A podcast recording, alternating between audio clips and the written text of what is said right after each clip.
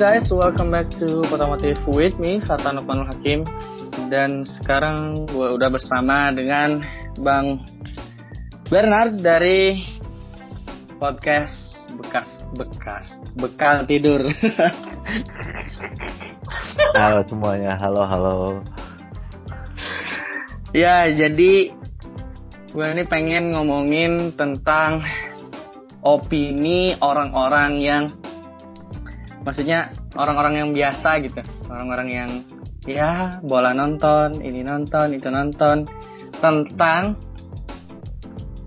interestnya terhadap motorsport terutama F1 sama MotoGP.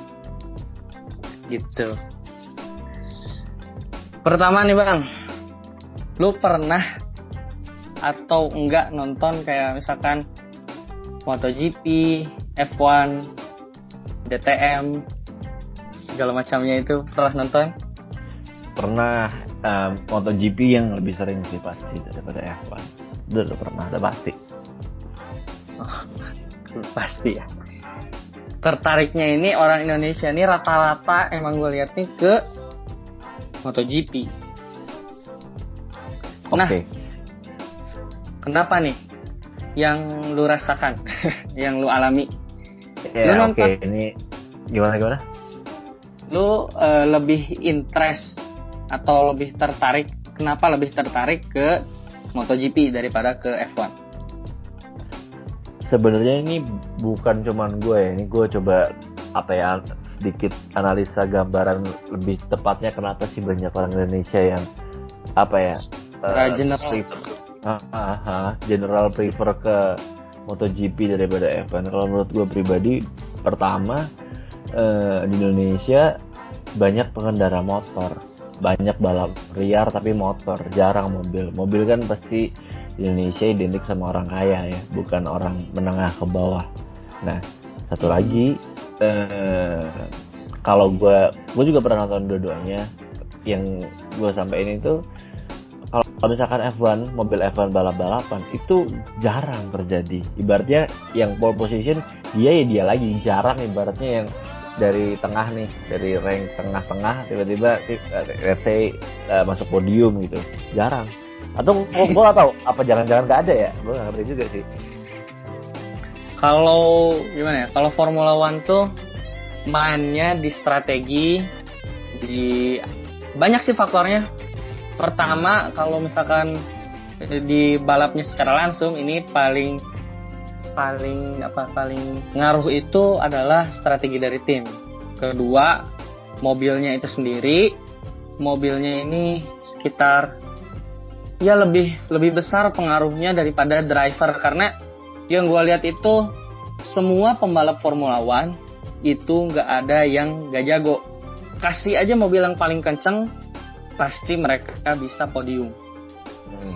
Misalkan lu kasih orang yang ada di tim-tim papan tengah kasih mobil let's say yang paling jago kan sekarang Mercedes, kasih aja Mercedes. Pasti hmm. itu dapat itu apa eh, podium itu pasti dapat. Ya walaupun ketiga pasti dapat. Hmm tapi kan maksud gue Mercedes juga nggak pernah di tengah-tengah juga kan. Pasti di uh, ya tiga besar kalau nggak ya itu lima lah ya. Iya top five. Nggak pernah top keluar itu top five. Ya di mana nyalip dari top five ke jadi ketiga kayak nggak sulit lah ya buat Mercedes buat ngelakuin itu. Apalagi kalau akhir-akhir ini lu bilang dia lagi ya udahlah yang paling sering menang juga kayaknya udah jelas sih maksudnya ya itu yang gue bilang. Uh, gue itu nggak terlalu prefer sama sesuatu yang nggak kompetitif.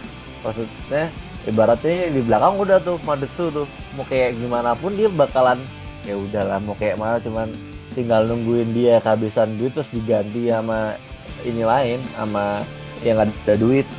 Ya, kayak kemarin tuh kan tahu sendiri ada yang di Indonesia. Yeah. berasa jago ternyata dia bayar sendiri.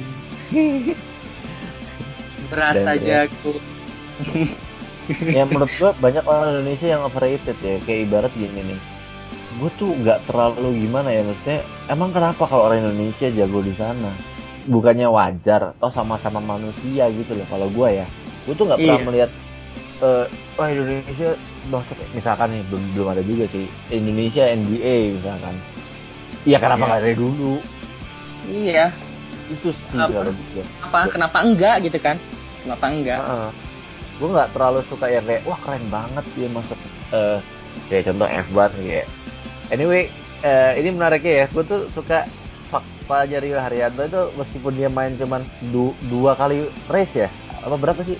Lupa nggak nggak dua kali cuma setengah musim. Oh, setengah. oh sempet setengah ya sempet setengah ya dia ya? setengah musim. Nah itu setengah musim tapi kan ibaratnya biasanya diganti nama driver lain. Dan lucunya di F1 game PS4 masuk Rio Haryanto nya finally. Iya masuk ya di F1 2016 2016 benar-benar kayak wow. Ya lumayan lah ya. Kapan lagi orang Indonesia masuk game? Kalau itu gue baru emes karena gini orang Indonesia yang masuk pasar itu tuh kan nggak banyak ya. Maksudnya game developernya dari mana-mananya nggak nggak ada orang Indonesia. Maksudnya krunya ada cuman perusahaannya bukan di Indonesia. Di mana kalau di Indonesia masuk. Itu ada kam apa ya jarang gitu loh. Bukan sesuatu yang common. Ya beda sama balapan. Balapan kayaknya gue sering lihat balap liar di mana-mana. Tapi balik lagi gue nggak tahu ya. Sekali lagi apa pemerintah di sana itu nge-support banget ya? Kayaknya nggak juga deh. Emang nge-support banget? Kalau kayaknya ya kayaknya kalau pemerintah Jerman ini nge-support kayaknya. Soalnya kan fasilitas tracknya banyak di Jerman. Terus dua manufacturer paling besar dan paling tua di dunia Mercedes-Benz itu paling tua di dunia tuh Mercedes-Benz. Terus dah apa? BMW juga besar, Audi besar, Volkswagen. Volkswagen itu merek yang megang beberapa merek lain. Contohnya Volkswagen ini megang Lamborghini, megang juga Porsche, hmm. itu dipegang sama mereka. Jadi sepertinya di sana memungkinkan untuk disupport sama pemerintahnya. Iya sih, karena main industrinya di situ sebenarnya. Hmm. Komoditi gedenya si Jerman lebih ke mobil-mobilnya. Nah ini nyambung sih sebenarnya sama reason ketiga gue. Kenapa kok MotoGP diminati daripada F1? Pertama, ini Yamaha segala macam itu turun langsung ke sini bro. Ya kali orang-orang nggak nonton. Lu iya. Valentino Rossi, Mark Marquez, Jorge Lorenzo, you name it lah. Hampir semua top 3-nya pernah ke sini, Bro. Gak mungkin enggak. Dan itu market dan, mereka. Dan slogan timnya, slogan timnya yang di MotoGP sana itu pakai bahasa Indonesia, semakin di iya. depan.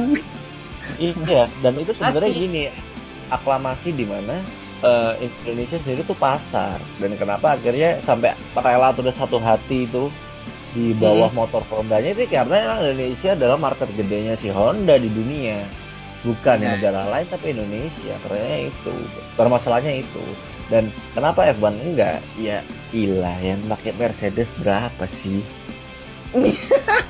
itu men. Itu problem loh ya makanya gue bilang segmen lu itu sangat-sangat kecil untuk podcast tapi bukan berarti nggak ada yang denger. Pasti ada yang denger. Karena balik lagi cuman bedanya kalau lu misalkan ngomongin podcast lu itu bermimpi untuk kayak contoh sekarang yang paling gede podcast masa ya. Kayak agak hmm. susah hmm. ya kalau gue bilang ya. Karena ya itu bahasan lu kan semua orang nggak belum tentu ngerti gitu loh. Nah iya itu dan sih juga, dan gue juga pengennya ini podcast gue ini meneducate orang yang asalnya nggak tahu tentang motorsport jadi tahu gitu makanya gue di episode-episode awal tuh ngebahas tentang mechanical-mechanical yang ada di mobil sebenarnya hmm. hmm. awal itu. Ba bahkan lu bahas sampai harga lah ya waktu itu. Total nah iya. Uh, si F1 berapa satu mobil harga ya? Nah iya itu. Ya kali bro orang mungkin bermimpi untuk naik mobil itu. Gak mungkin. Gak mungkin men. Itu it's obvious.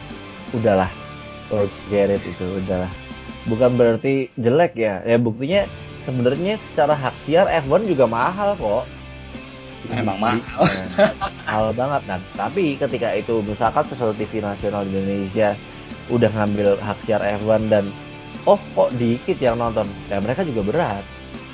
Iya. Itu juga masalah juga. Entah karena gini ya karena beberapa marketing itu suka malas kayak oh gue maunya sponsor yang snack snack aja. Itu kan paling gampang. Tapi kan kalau orang-orang kaya ya dia mungkin harus kayak at least apa ya barang-barang mahal contoh Rolex lah apa itu harus bisa di hard selling. Padahal brand-brand seperti itu mereka nggak bakal hard sell men. Nggak bakal dia masang di iklan TV itu nggak mungkin eh, itu kasihan mereka. Paling mentok bir paling mentok energy drink itu udah paling mentok. Iya mentok itu. Mentok paling mentok. Ya kerating deng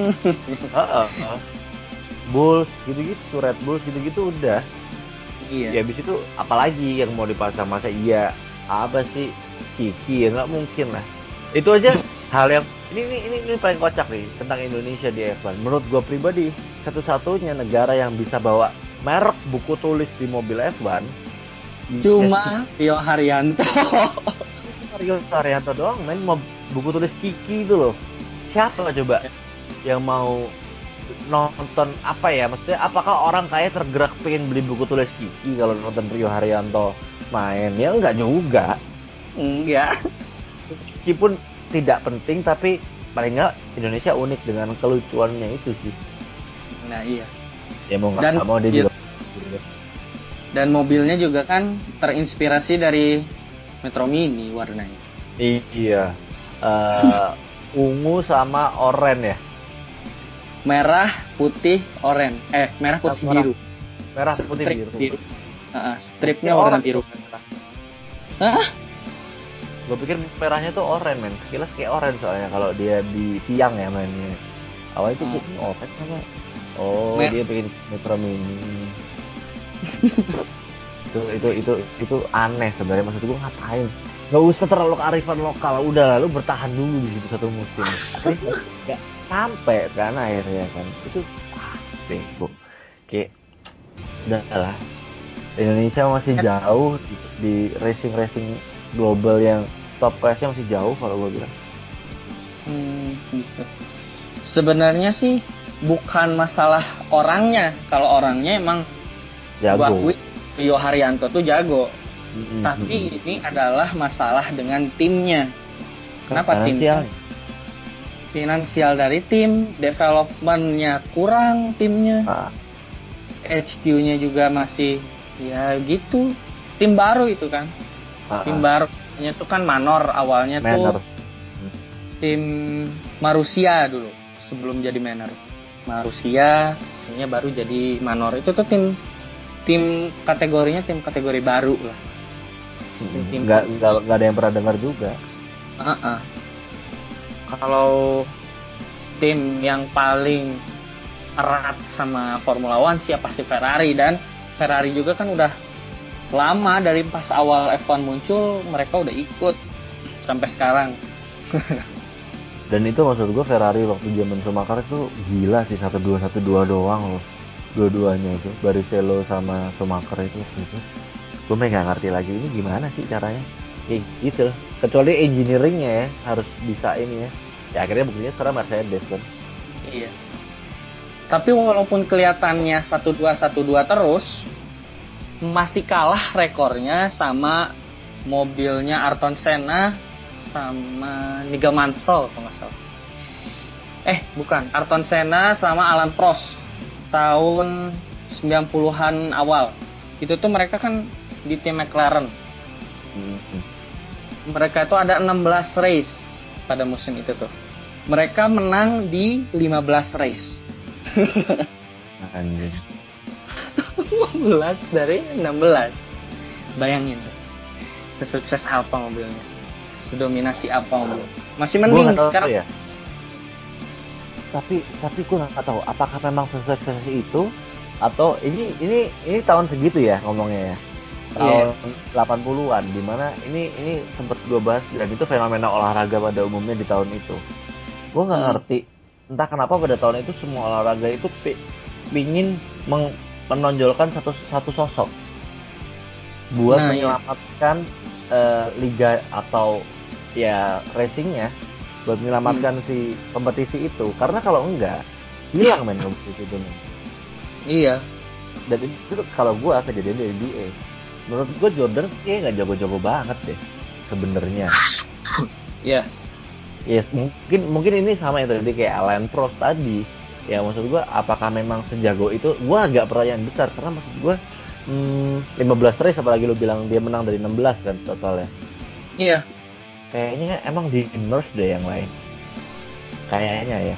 Kalau menurut gue kayak tunggu to be true sih. Kalau buat gue ya hal-hal kayak gitu. Karena kalau emang aimnya adalah balapan harusnya itu tidak akan terjadi men. Karena kan Balap. harusnya kita kompetitif. Itu kan udah nggak kompetitif banget. Iya, makanya di Formula One itu tahun depan itu di introduce yang namanya budget cap. Jadi budget tim itu dibatasi segitu tok gitu. Jadi developmentnya tuh diharapin tim yang bawah bisa ngerangkak ke atas. Tim atas juga bisa apa ya? Mungkin agak turun performanya jadi tim bawah juga bisa naik gitu. Iya, ya gue setuju juga dengan itu karena maksud gue F1 juga bego sih ya. Itu ada itu isu dari berapa tahun dan dia baru ngelakuin tahun depan. Alah, apa sih yang mereka pikirin? Kayak maksudnya ini ya mereka kayak gue nggak tahu mungkin si manajemen F1 merasa kayak ya emang yang nonton gue tuh orang kaya gitu loh nggak usah gue pikirin buat apa kompetitif kompetitif orang kaya mah juga nggak ada yang kompetitif kalau mau di atas mah di atas terus ibaratnya gitu ya Ya, kayak Iya. akhirnya hmm, kok nggak ada yang nonton ya? Apalagi dia merasa apalagi Indonesia mager buat beli dia. Dan kayak wah gue harus berubah mindset. Dan mungkin ya salah satu pairingnya ya MotoGP siapa lagi? Oh kok bisa ya Iya. MotoGP bisa selaku itu di Indonesia? Kalau misalnya contoh sekarang orang F1 banyak yang nggak tahu lu siapa? Ibaratnya gitu kalau sekarang. Iya. Itu siapa Kalau sih dulu- gitu? ya kalau dulu Schumacher nggak ada yang ini men. Nggak ada yang fail men semua orang juga Hmm. tahu siapa Michael Schumacher ya Michael paling Schumacher. gitu sih Jadi kayaknya segitu aja karena kesimpulannya nih gue udah dapat nih. Untuk orang Indonesia nih emang condongnya ke MotoGP karena emang pasar MotoGP ada di Indonesia. Yang pakai banyak motor, terus orang di apa orang di MotoGP-nya, pembalap-pembalap MotoGP-nya sering ke sini ya karena emang itu tadi pasarnya ada di Indonesia. Yang pakai motor tuh banyak di Indonesia. Betul. Thank you bro. Udah ada udah nemenin gua di podcast gua. Ya thank you juga bro. Udah boleh ngobrol di sini. Yuk di follow kalau kalian dengar di Spotify di favorit kalau kalian dengar di Anchor. Dan jangan lupa juga untuk di subscribe kalau kalian dengar di Google Podcast. Dan jangan lupa dengerin podcastnya Bang Bernard di podcast Bekal Tidur. Sama bisa didengerin juga di Spotify. Saya Fatar Malakin Wassalam